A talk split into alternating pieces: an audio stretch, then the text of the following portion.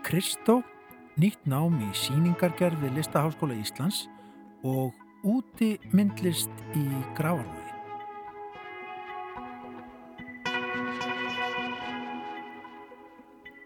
Stórhuga bulgarskur myndlistamæður steg fram á sjónarsviðið í Parísi byrjun 7. áratögar síðustu aldar. Hann giftist marakóskri konu, Jean-Claude, og saman pakkuðu þau inn heinum ímsu kennileitum og minnisvörðum víða um heim, mörgum til ama, öðrum til innblásturs. Listamæðurinn Kristó lést á dögunum. Við heyrum í lauvegu Helgadóttur, listfræðingi. Og við ræðum líka myndlist í ofnbæru rými á Íslandi, nánar tiltekið upp í Grafavogi, þegar við förum með Byrtu Guðjónsdóttur til þess að skoða síninguna yfir Gullinbrú sem að dreifir sér um hverfið og var opnum núna um síðustu helgi. Þar eiga listamenn tíu talsins verk sem að eh, eru ímiskonar, já og sumt kannski ekkert svo mikill skúldur eða myndhöggvara list ef úti það er farið en nánarum það hér undir lok viðsjár í dag. Við ræðum samt fyrst um myndlist og já, listir í víðarasamingi við Hönnu Styrmisdóttur. Hún er nýráðin profesor við Listaháskóla Íslands og á að stýra þar á næstu mánuðum námi í síningargerð. Það er nýtt nám á meistarastígi við háskólan.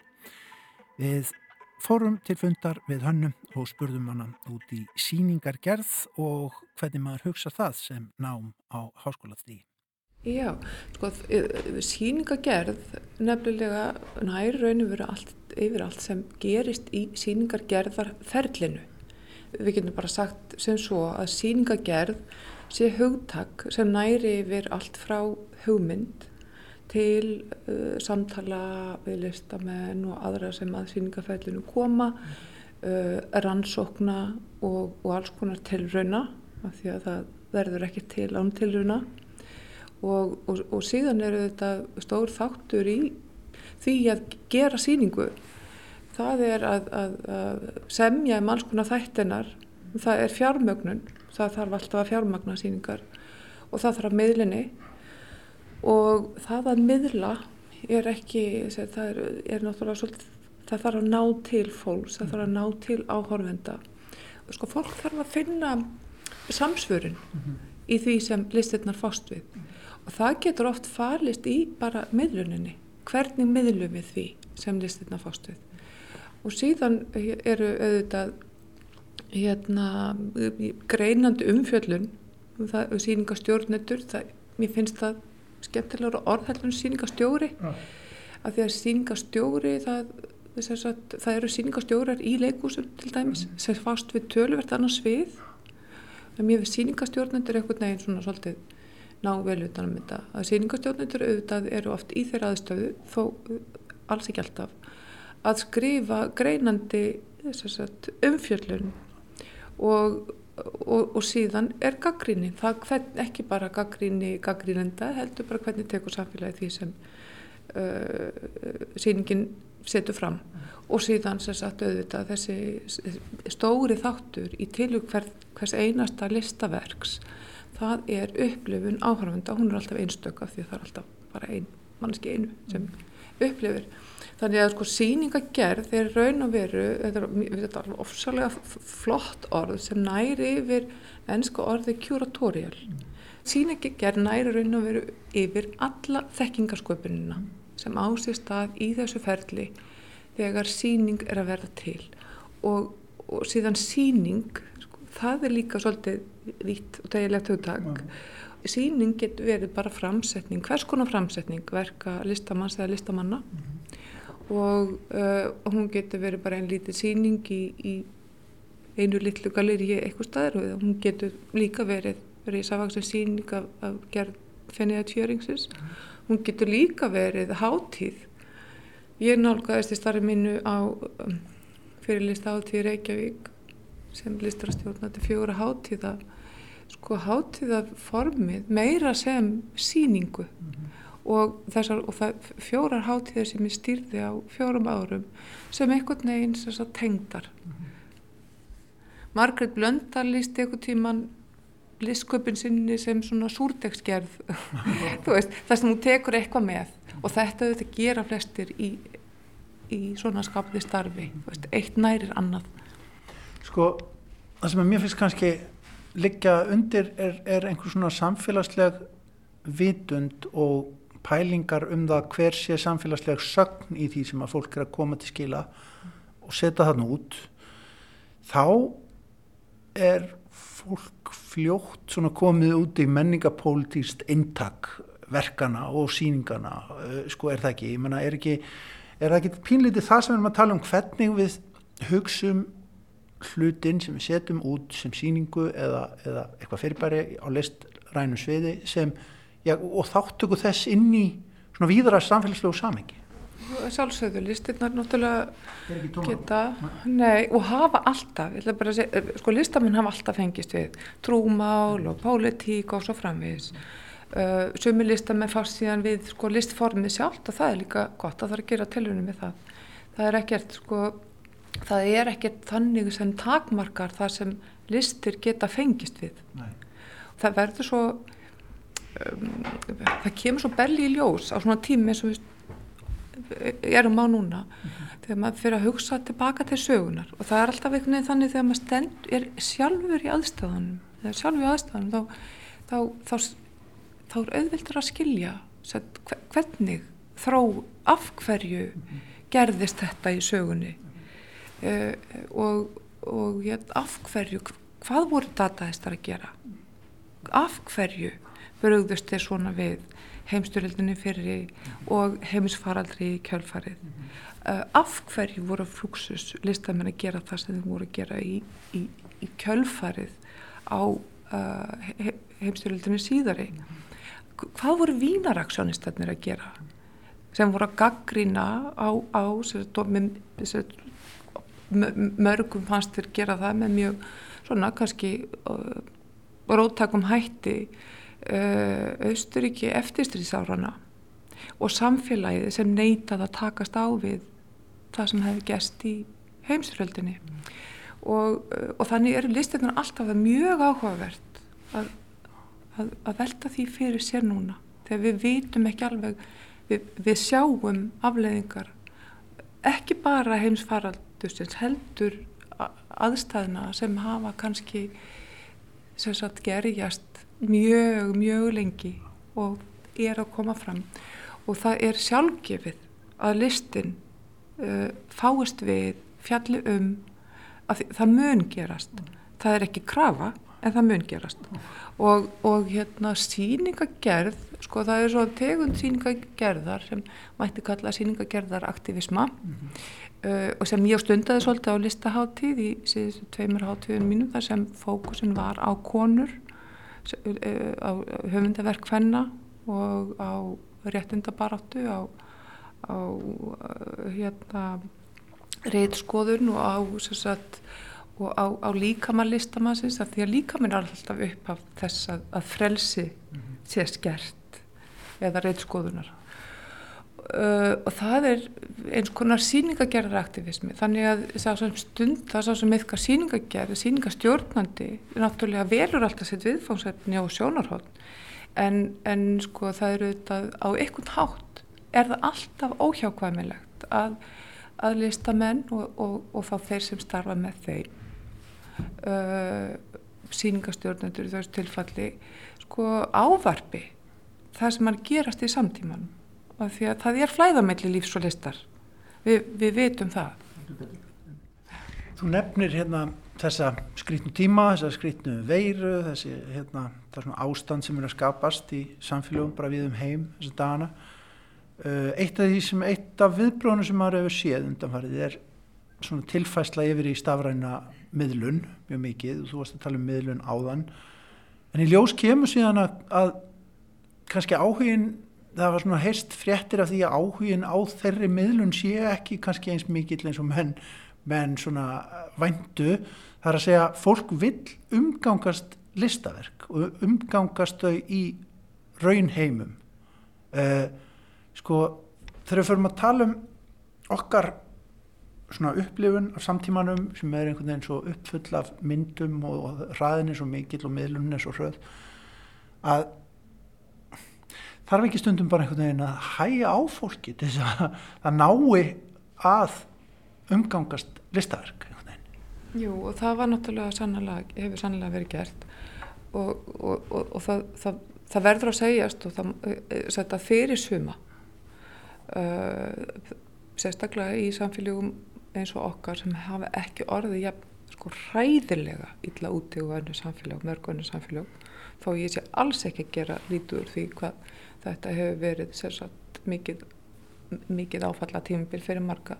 Þá hefur það haft þau, þá góður hliðarverkun að fólk hefur svona farið að staldra við meira, kannski fengi ég eppil nóg af skjá öllum skjáttegundunum sínum. Uh, við erum öll búin að gera sagt, mjög ítarlegar og margvíslegar tilröðinu með fjárfundaformið sem er alveg ljómundi fínt í ákveðnum tilfellum en, en það kemur í ljós að manneskjan hefur alveg gríðarlega mikla þörf fyrir samskipt við aðra og uh, við ástfinnu sína en líka aðra og, og hérna og ég held að sko þessi hugmynd, sko listin er alltaf einhvers konar samkoma, hún krefst samkomu og, og fólk þyrstir í samkomu. Fólk vil, þú veist, geta snert, það vil sjá, það vil skinja með öllum þessum ótrúlegu skinnfærum sem við höfum. Og, og hérna og, og þú veist, hlutur séu áþreifanlegir. Og þetta hefur mér fundist vera sko orðið, þau verið orðið svolítið augljóst í í svona listsköpun alveg mjög greinlega svona síðustu fimm ár. Tilneyingi átti þess að fara aftur til þess sem er áþreifanlegt. Af því að fólk hefur þörf fyrir það, af því að það eðir svo miklum tíma í einhverjum svona þú veist, virtuál heimi mm. og, og núna er það, sagt, það það er ekki, það er bara ákall uh, eftir, eftir því að vera í snertingu við hugmyndir og hluti og, og rými og annað fólk og svona þennan raunveruleika mm. okkar. Mm. Þú ert að skipleika nám og upphafa á, á síningagerða námi hérna á mistarstí í listaháskólanum. Um, hver mér þetta ætlað? Já, það er, sko, ég ætla nú fyrst að fá að segja að það er búið að vinna alveg gríðarlega gott starf í þróu þessa nám sér innan skólan sem ég hef ekkert komið að ég hef síðan bara ráðinn profesor mm. sem er alveg gríðilega spennandi að takast á við en þetta nám e, náttúrulega, ég minna það er sjálfgefið að það getur höfða til fólks með uh, bakgrunn í myndlist eða myndlistarnámi, grunnnámi myndlist eða, eða öðrum listgreinum. En vegna þess hvað, hvað síngerðin, hún er ekki bundi við eina listgrein. Þá hún sé við, við erum að tala um form, við erum að tala um að síningagerð, hún verður hér innan myndlistadeildar. Og, og við erum að byggja á aðferði myndlistarinnar en enga síður síningagerðin ekki bundin við eina listgrein eða eitthvað eitt fræðasvið mm -hmm. þannig að hún getur höfðað til fólks með bakgrunn á, með allt annan mentunar bakgrunn eða og, og starfsreynslu en sko fólk sem finnur samsvörun í síningagerðinu og hennar viðfónsefnum mm. og auðvitað þarf, það er svona algjör grunn krafa er, er brennandi áhuga á listum og svona samtali við listamenn sem er stór þáttur í síningagerðinu. Spennandi nám, takk hjálpa fyrir að segja okkur frá. Takk sem leiðist. Þetta var Hanna Styrmistóttir, nýr profesor við Listaháskóla Íslands og það má benda á það að Þetta nám, meistaranám í síningagerð, það er opið fyrir umsóknir í það og reyndar í meistaranám í hönnun og myndlist líka núna fram til 15. júni hjá skólanum. En þetta er eitt af lögum 20. aldar Sam Cooke.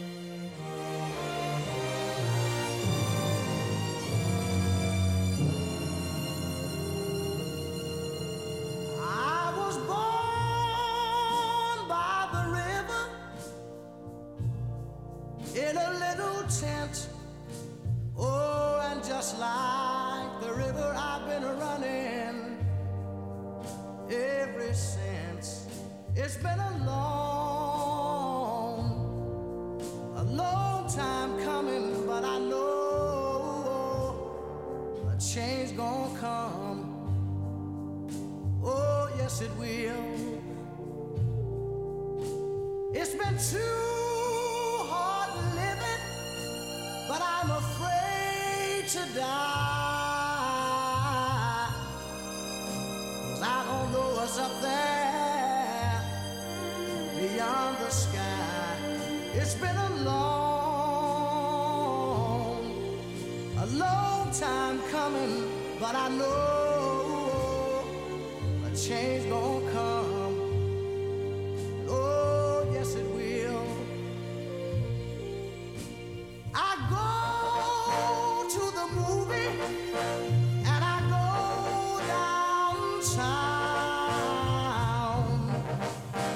Somebody keep telling me don't hang around. It's been a long, a long time coming, but I know a change gonna come. Oh, yes, it will. Then I go to my brother and I say, Brother, help me please.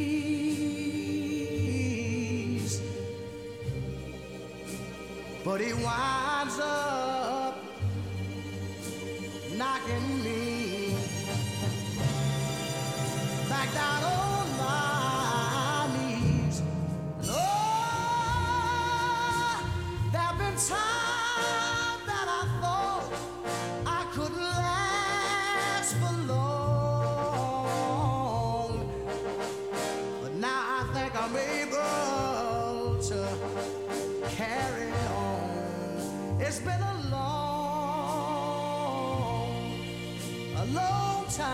coming, but I know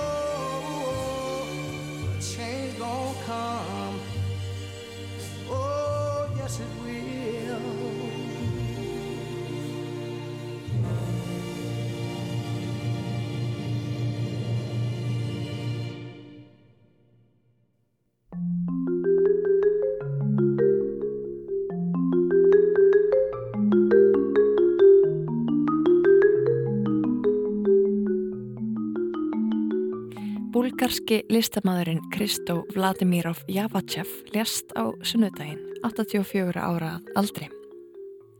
Hann gerði garðin frægan á samt eiginkonu sinni Jean-Claude með því að pakka inn hinnum ímsu kennileitum í borgum viðsvegurum heim og setja upp gríðarstóra tímabundna skúltúra í náttúrunni.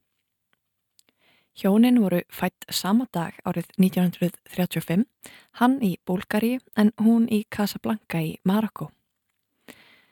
Þau unnu saman alla æfi eða þar til Jean-Claude lést árið 2009.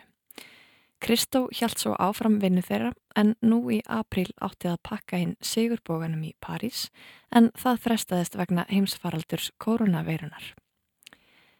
Verkið verður þó sett upp í september á næsta ári og lokar þannig boga listamannsins á tákrennan hátt því ferill hans hófst ennmitt í París í upphafi sjönda áratögar síðustu aldar. Laufey Helgadóttir listfræðingur er búsett í París og ég ringdi hana fyrir í dag til að rifja upp feril þessa merka listamanns Kristó.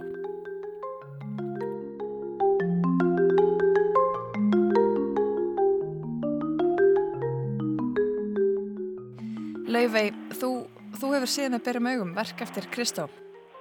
Já, Ponnöf. Ponnöf er eina verki sem ég hef séð með berum augum og upplifað. Bæði ég gætt fylst með þegar var verið að gera það og sá svo loka útkomuna og uh, það er eins og með öll önnur verk Kristós, þau eru bara, þau eru bara til í, í mjög stuttan tíma og svo er þau tekið nýður þannig að þetta er í raun og veru mjög sérstöku upplöfun og uh, það sem að mér fannst sérstaklega gaman líka með við på nöfverki það var að geta fylst svolítið með undibúningnum Einmitt. og það var eiginlega vegna þess að þá var maðurinn minn með vinnuaðstöðu þarna við Plastófín torkið sem er þarna östuft frá eh, eða bara við Pónöð og eh, Kristó og og, og liðans eða hópur þau, þau voru með bækistöðarna sína þar. Þannig að uh, við fylgdust með því þegar hann var að þetta, þetta er svo laung undirbúningsvinna alltaf hjá hann hann talar við fólkið í hverfinu, hann þarf náttúrulega fá leifi hjá öllum stjórnmálamönnum. Mm. en það er alltaf gríðarlega langur undirbúningur og til dæmis þegar hann gerði på nöf þá var hann var í tíu ára undirbúara Já, hérna Þannig, þannig að það, það var gaman að sjá þetta, sjá þetta gerast Engastað las ég að, að, að það hafi verið hún Jean-Claude sem var svona uh, meiri, hvað ég segja, uh, svona svo sem spjallaði meira við fólki og var meiri í því að fá leifi. Er það eitthvað sem þú hefur hert? Já, hún, sko, hún, átt, hún átti peningana. Kristó var náttúrulega bara óskur fátækur listamæður sem kom til Parísar þegar hann var mjög ungur. Hann kom 1958 til Parísar og gerði mitt fyrsta verki sitt í París sem var mjög stert strax það var eh, virkisveggur sem hann gerði og, og um, titi, var með titil sem vísaði til Berlínamúsins sem hafi verið gerður þar ári áður þannig að hann eh, sko og hann, hann átti ekki mikla peninga, hann hefði aldrei geta gert þessi stóru miklu verk ef ef hann hefði ekki gist henni því það var hún sem að, já, fjármagnaði verkin. Einmitt, er... og, og einmitt var mikið í, eins og segir, í tengslum við fólkið og, og, og það fyrsti náttúrulega að fá öll þessi leiði, þetta er ofboslega flókið ferli. En að þið minnist á þetta verk eh, Berlínar múrin eða ólíutunni múrin, frá Já. 1962. Þau fengu ekki leiði fyrir því verki, er það ekki svo? Nei, það, það var hann sem gerði það, þá var hann bara nýkominn til Paris. Það heit Iron Wall Curtain of Oil Drums. Var hlóðan með 240 olítunnur sem var hlóð bara hverju ofan á aðra.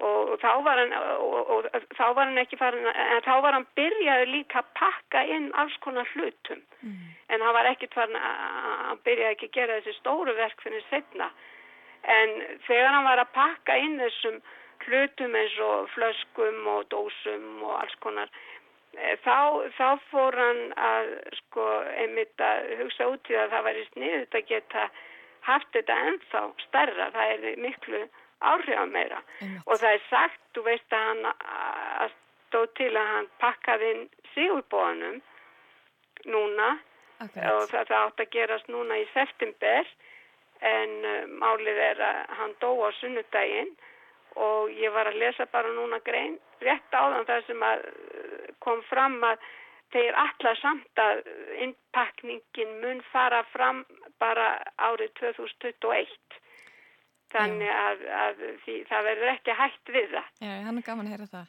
Og það er sagt að hann hefði fengið hugmyndina af því að pakka einn síðbóðan bara þegar hann var í Parísatni í kringu 1960. Vá, Þá hafa hann verið segja gert skissur af bóganum innpökkuð. Þetta er svona, svona bógin sem að lokast þá, þetta er hans lífs, lífsferill.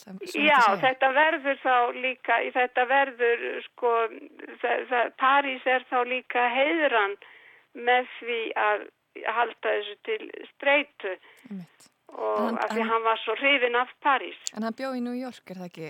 Jú, hann var komið með bandarískan ríksborgari en hann leiti aldrei á sig sem bandaríkjaman hann leiti alltaf á sig sem Evrópabúa mm. og hann sagði einhvern tíman að hann hefði aldrei gert öll þessi verk og hann hefði fæðist í bandaríkjónum. En konan hans var, þau, þau voru sko, þau stopnuði fjela og hún tók þátt í öllum þessum verkum mm. með honum eftir að þau kynntust og, en hún dó 2009 þannig að það er svolítið síðan að hún Einmitt. og þú, þú sagðir að hún hefði verið svona peningakonan. En þau fjármagnuðu öll sín verk sjálf og, og heldu þannig sem listruna frelsi Já, þau fengu aldrei neina styrki. En hann gerði náttúrulega mjög mikið af, þú veist, skissum og seldi þær og þær á meðan að var að vinna að verkunum þá vann hann gríðarlega mikið af skissum. En leið og búið var að framkoma verkin þá hættan að vinnast það skissu sem að tengdust því verki en, en sumar þessar tekníkar seljast náttúrulega fyrir já, já offjár, ég get ekki nefnina tölur en, en það náttúrulega hjálpaði þeim líka. Maður getur rétt ímynda sér það. Já.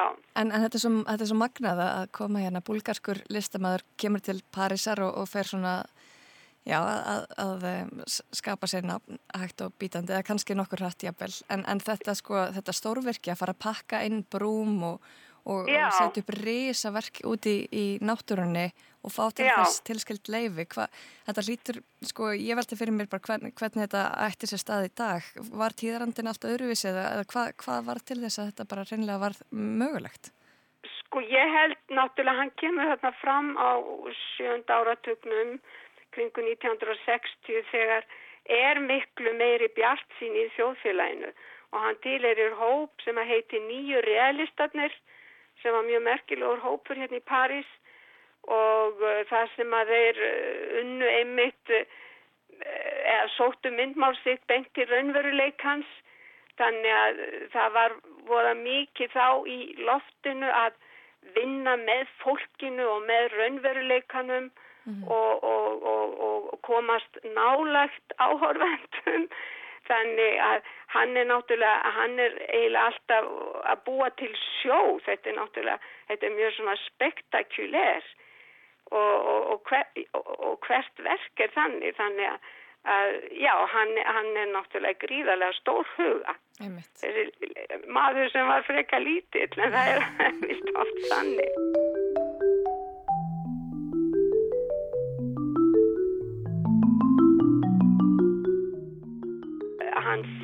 Hvað hægt var að gera Já, og að þóra að gera hlutina. Og til dæmis að pakka inn rækstag í Berlín.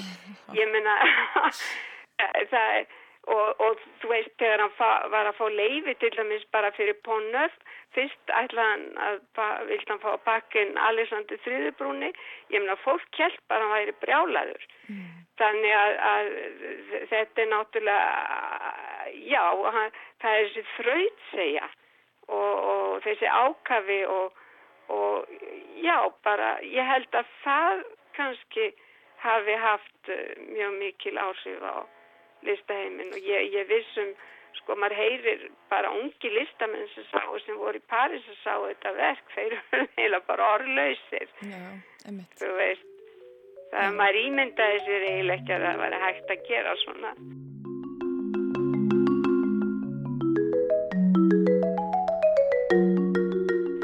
Hvernig var, að þú sagði að það hefði fylgst með framkvæmdunum, getur líst í, þetta lítur á að tekið nokkru daga og, og svo stendur þetta í tvær vikur og svo er þetta tekið niður og, og þetta er bara horfið?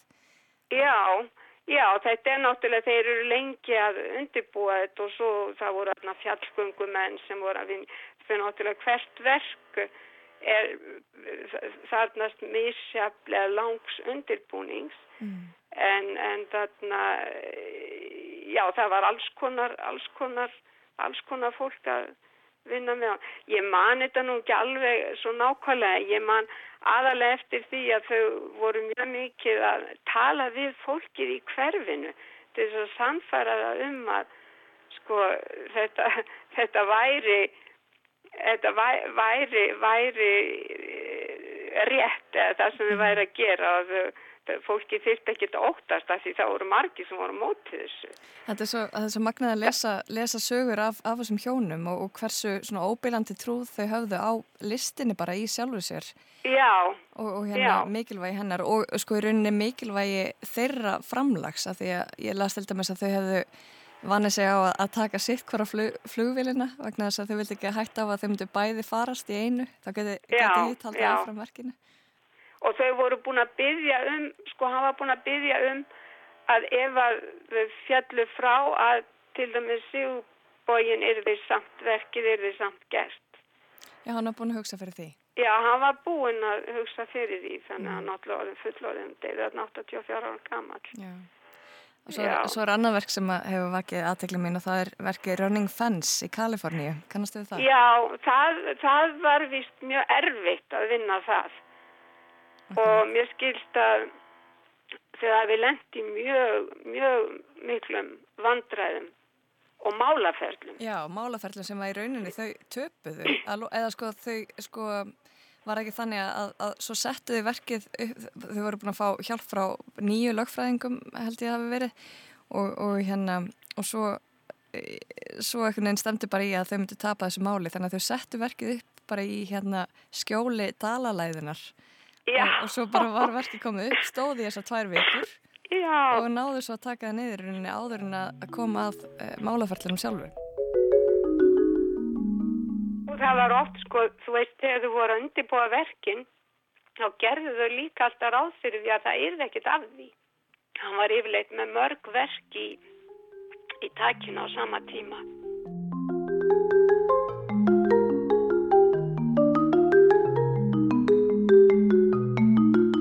En sem sagt, Kristó lést síðastliðin sunnudag og, Já.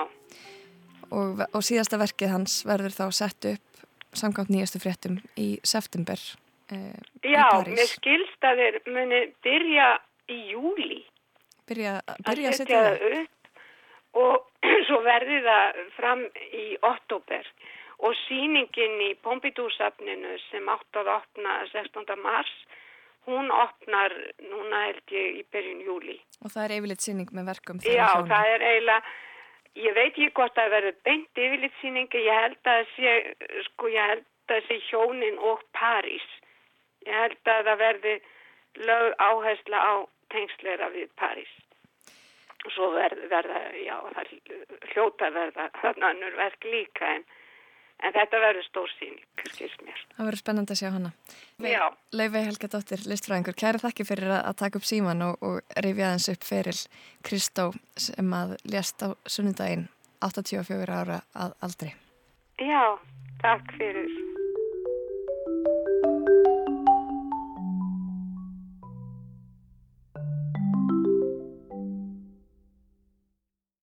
Við myndumst hér Kristó með þannig Laufeyju Helgadóttur listfræðingi.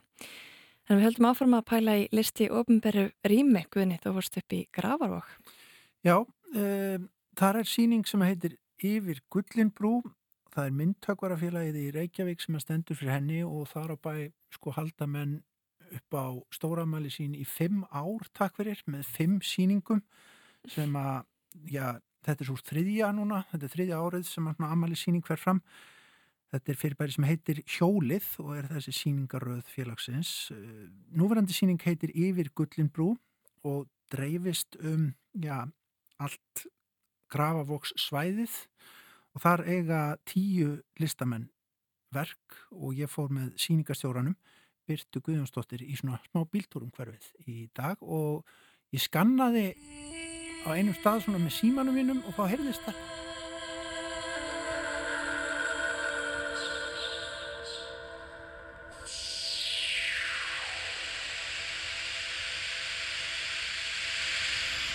Leðum svo bara að lifa einn undir. Birta Guðanstóttir, hvert erum við komin? Nú erum við komin í Grafaflóg og nána tiltekið í Hallsteinsgarð, högmyndagarðinans Hallstein Sigurssonar. Uh, hérna eru mörg verk eftir Hallstein sem hann gaf til Reykjavíkuborgar fyrir rúmlega áratug síðan og nú hefum við fengið leifi frá Hallsteini uh, til að setja upp verk eftir hennar Rebeku Erin Moran myndlistamann sem hefur búið á Íslandi í yfir 15 ár og hennar verk uh, er bæði hljóðverki sem við hlustum á í bakgrunni og eins er það í formi dansgolfa. Hérna hefur hún sett upp þrjú dansgolf fyrir eina mannesku í einu til að dansa á og hlusta á uh, hljóðverk, mismunandi hljóðverk sem eru gerð sérstaklega fyrir uh, verkið og og dansa við og, og bara njóta þess að vera í þessari dásamlegu náttúru uh, dansa og reyfa sig og njóta hljóðlistarinnar og samt inn í miðri borg. Ég ætla að fara upp á dansskólu mm.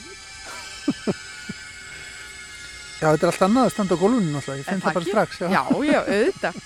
Já, já, já Þau eru, þau eru þrjú og hérna og listamöndir sem gera hljóðið sem að hún hefur fengið til liðs við sig eru erlendar listakonur sem eru, eru DJ-ar og þar hafa sett saman svona um klukkutíma hérna hljóðverk. Og uh, já, hugmyndin er eiginlega eh, meira kannski með svona að maður stundi sinn eigin enga dans í fríði og hérna og dansi við hinn dansandi uh, skulturverk Hallsteins.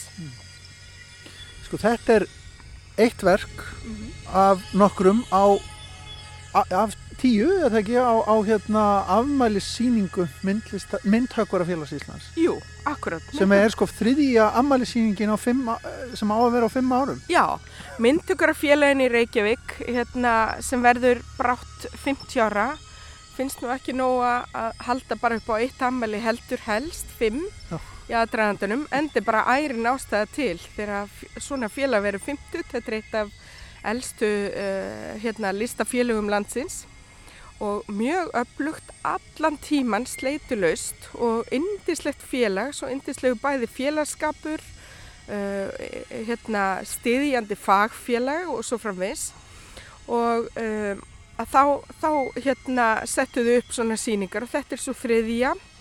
Uh, Amalis ári er 2022 og uh, þær eru settar upp í mismunandi hverfum í Reykjavík og núna í Grafavogi og uh, það má alveg segja líka að hérna sko þetta, þessi síning og þessi síningaröð, hún er ákveðið svona, hvað maður að segja, eftir fylgni eða kemur í, í kjölfar uh, annara merkilegra uh, út í síninga félagsins. Sem er kannast við strandlengju síningarnar og mörga verkum frá þessum síningum félagsins hafa orðið sem sagt uh, gleði okkur áfram í borgarlandslæginu. Sko þetta er náttúrulega rísavaksið hverfi. Þannig að við ætlum að fara hérna á nokkra staði skjótast á milli til þess að skoða. Það er að nógu taka. En það er hægt að fara náttúrulega sko systematist í gegnum þetta á hvað myndi það taka mann? Já, það tekur svona spá tíma, sko, minnu útgangspunktur sem síningastjóri þessarar síningar er sá að, hérna, að e, bjóða gestum og, og það þýðir líka íbúum í Grafavogi í ákveðu hverfum, bjóða gestum upp á að hérna, kynnast hverfinu eða kynnast í betur eða upp á nýttjabel með því að fara mjög vítt og breytt um hverfið.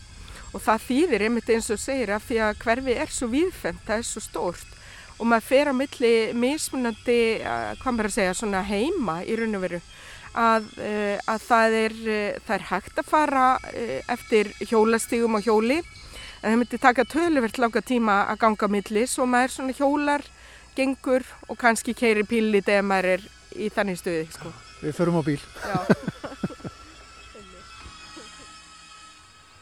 Birta, nú erum við komin nánast út í sveit. Við erum sko við, það, hér er reyðstígur, Einmitt. hér eru grasflandir á golfvelli og svo erum við upp á hól Já. og hér er list, hér erum við komin innan um eitt af verkunum á síningunni. Já, á þetta? einmitt. Þetta er verkinu Brynildar Þorgirsdóttur og þannig vill til að hún býr í Grafavogi og nána tildegi bara hérna nokkrum tveimu götum frá verkinu sínu og mér fannst mjög hérna ánægilegt og fallegt og, og hérna og spennandi að við getum sagt bæði náttúrulega að vinna með Brynildi sem er svona hérna einhver reyndasti skúltúristi landsins og dáðasti og hefur sínt hérna mjög mikið og erlendis og hún gerir ný verk fyrir sýninguna og þau tengjast öll uh, hverfinu og umhverfi hennar, sagt uh, hennar daglega umhverfi í efnisnótkun og uh, formum. Og hún hefur staðsett hérna fjóra skúltúra sem hún hefur hérna mótað. Og svo endar mótar hún hérna líka í kring svona Hún tekur steina uh, sem hún hefur uh, raðað saman sem að verða líka hluti af svona, má segja svona úti innsetningu sem að samt uh, hérna fellur á einhvern hátt inn í landslægið og eins og segir svona, já, borgar landslægin líka bara er maður statur hérna út í sveit. Ég meina við heyrum engin hérna hljóðönnur en í fuglum og, og vindinum hérna og erum svona stöttin í miðri borg og, og og uh, hún hefur unnið sagt, eitt af verkunum úr uh, torfi og hérna og svona daldið spenningur hjá henni var að við þetta verk eh, sem hún kallaði þúfuna og þetta setjast á og horfa hérna á fjallið á móti og umfyrðina og umfyrða nið í fjarska sem verður svona bara eins og, eins og hérna flugna gerið eitthvað slikt Já.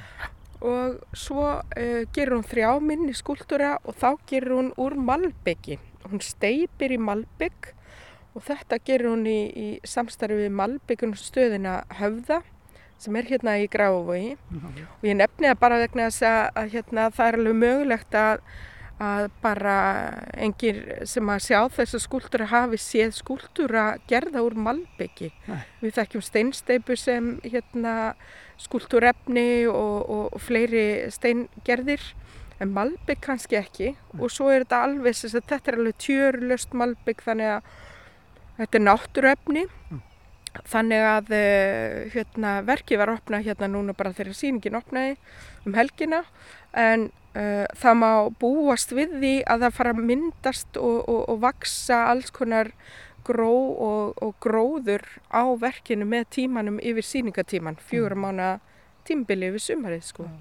Já. Mjög skemmtilegt hvernig þetta fellur allt inn í, inn í landslæðið vegna þess að maður hefðarlega geta að labba fram hjá og hugsa, veitu, já, hér- er bara einn þúfa. Já, ymmit, ymmit. En síðan er hún daldið förðuleg þegar maður er frá að horfa á hann og Já, hér er hún greinilega er- mannsvendin komið nærri. Já, akkurat. Hún er svona struktúrerið ef svo má segja og hérna og maður tekur betur eftir því eins og segir þegar maður kemur nærni. Við höfum verið svona á, í undirbúningstímabilinu kallað þennan stað svona eiginlega randalínu. Það þýðir að, að hérna að staðsetningin hérna á barða uh, stöðum og hún er, hún er svo förðuleg og hún er svo skemmtileg og hún er svo einmitt lýsandi fyrir kannski þetta hverfi, grafovegin að hér eru við með hérna, veginn þar sem við stoppum bílinn á og svo er hérna göngu og hjólastígur sem að Reykjavíkuborg hefur lagt. Hérna erum við að grasbala einhvern, einhvern veginn á milli vega þar sem að Brynildur velur stað fyrir verkin sín. Svo erum við með reyðstígin og svo kemur hérna alveg svona ótrúlega fáaður golfvöllur. Já. Og, hérna, Og svo lækur. Og svo lækur þar, þar við sko Já, já. og hérna þannig að þetta er, þetta er kannski má segja þessi svona staður, þessi blettur sko, þú veist, sé á eitthvað nátt svona líka lýsandi fyrir það hvernig við lifum í borgar umhverfi almennt að hérna að hafa þennan luxus, þennan hérna uh, þessi ríkidæmi að, að geta haft aðganga náttúrunni hvenar sem við viljum og það taki ekki meira en bara einn lítinn hjólatúr sko. Það er algjör lúksus. Já, Við ætlum að fara á eitt staði við bót. Um, við ætlum hins vegar inn í bílaðins fyrst einmitt. og ringja í ákveð símanúmer sem tengir síningunni, eða ekki? Einmitt, við ætlum að gera það. Fyrst að það er símanúmer sem þetta ringi í. Já, Hvað var það? það er þetta ringi 555 0004 Fjórir. En hún gá hvað gerist. endilega. Góðan dag, þetta er símsvari listaverksins Antifóni eftir myndlistakonuna Hannan Benamar í síningunni yfir Gullinbrú. Welcome to Antifóni. Ítt og einn til að tala um tónleika. For emptiness, press 1. Ítt á tvo til að tala um óreiðu. For chaos, press 2. Ítt á þrjá til að tala um þögn. For silence, press 3. Ok, við skulum, Ítt á fjóra til að tala um ofbeldi. skulum velja þögn. For violence, press 4. Ítum á þrjú. Ítt á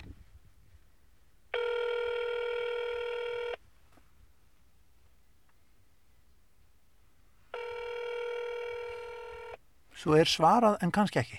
Einmitt, já. Ef einhver svarar, Já. á ég þá að fara að tala um þögnina Einmitt, við viðkomandi. ef þú vilt. Já, Sko, þú er búin að skipuleika svörun í þessu. já, Svo er svona aðeins undir helinlagt hvort að það er svarað, eða ekki? Einmitt.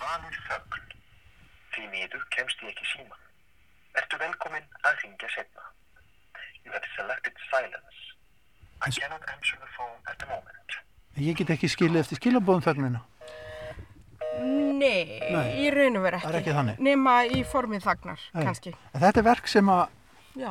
listakonun hefur gert víða. Segð okkur eins og. Já, hún hefur gert þetta verk uh, í samstarfi við uh, að mestu stopnanir og núna í fyrsta skipti uh, hérna eina síningu eða þannig og þá hefur verið bara eitthvað ákveði númer, bara sama sett upp og sömu orðin, þessi sex orð eða hugtök, þögn, tómleiki, mörk, ofbeldi, evi og uh, ég man nú ekki fjör, uh, sjötta. Það er einhvað gott.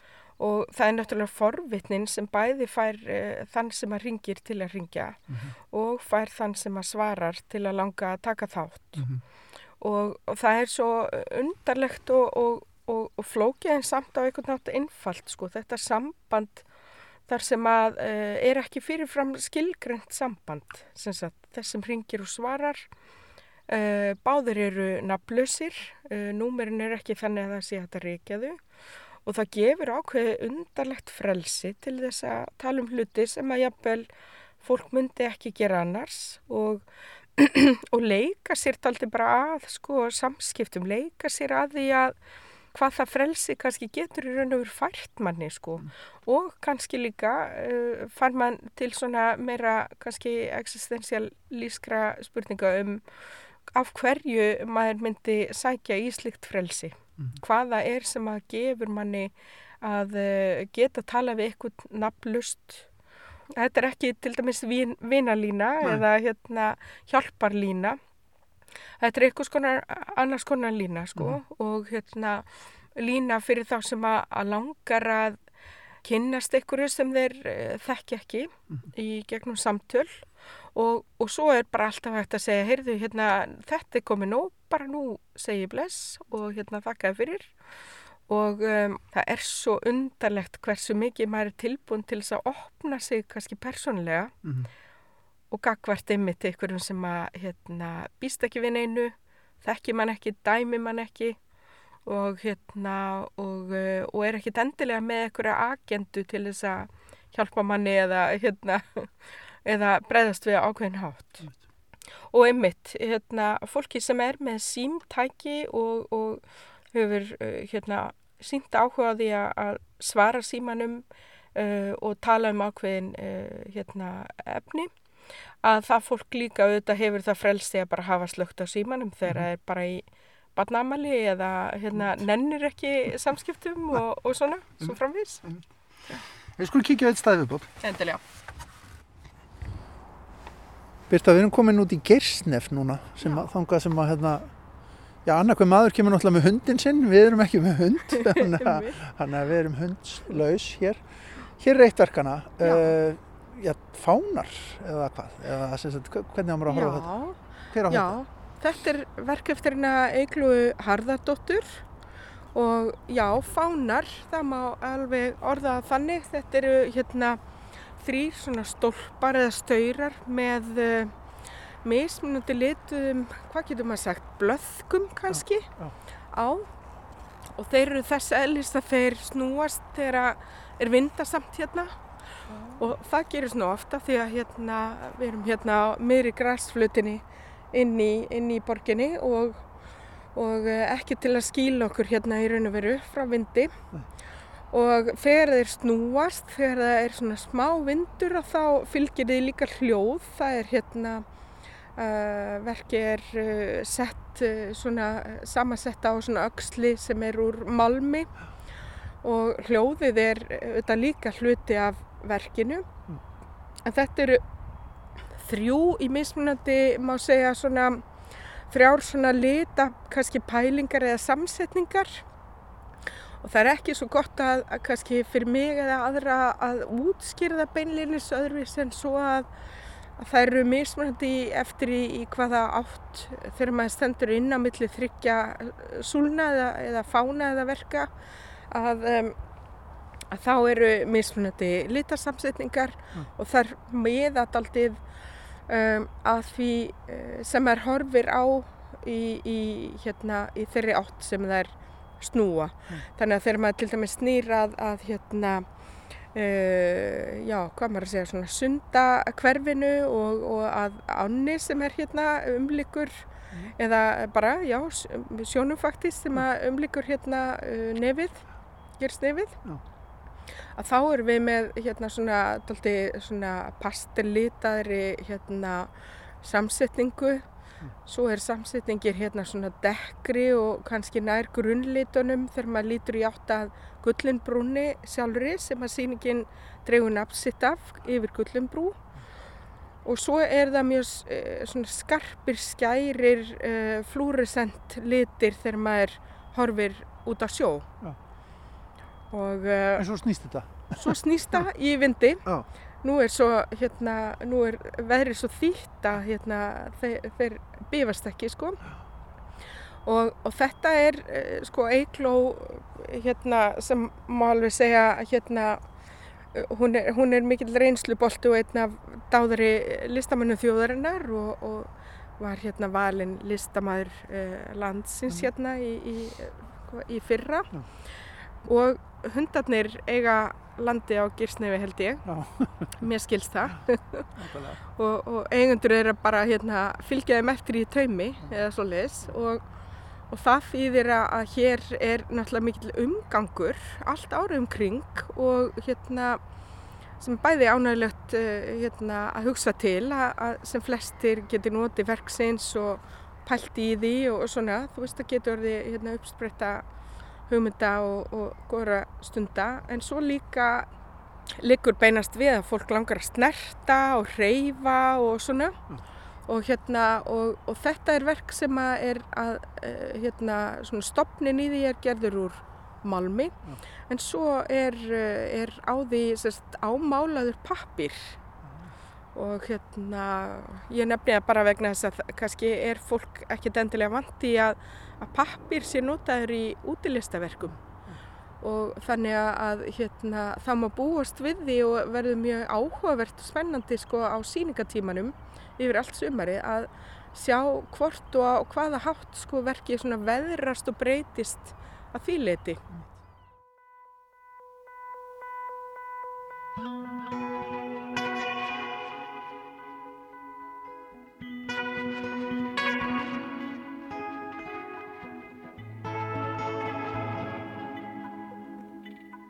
Birta Guðjónsdóttir, síningastjóri, upp í Grávogi fyrr í dag.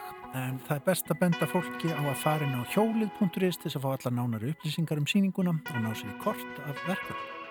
En viðsjá verður ekki lengri í dag. Verið sæl.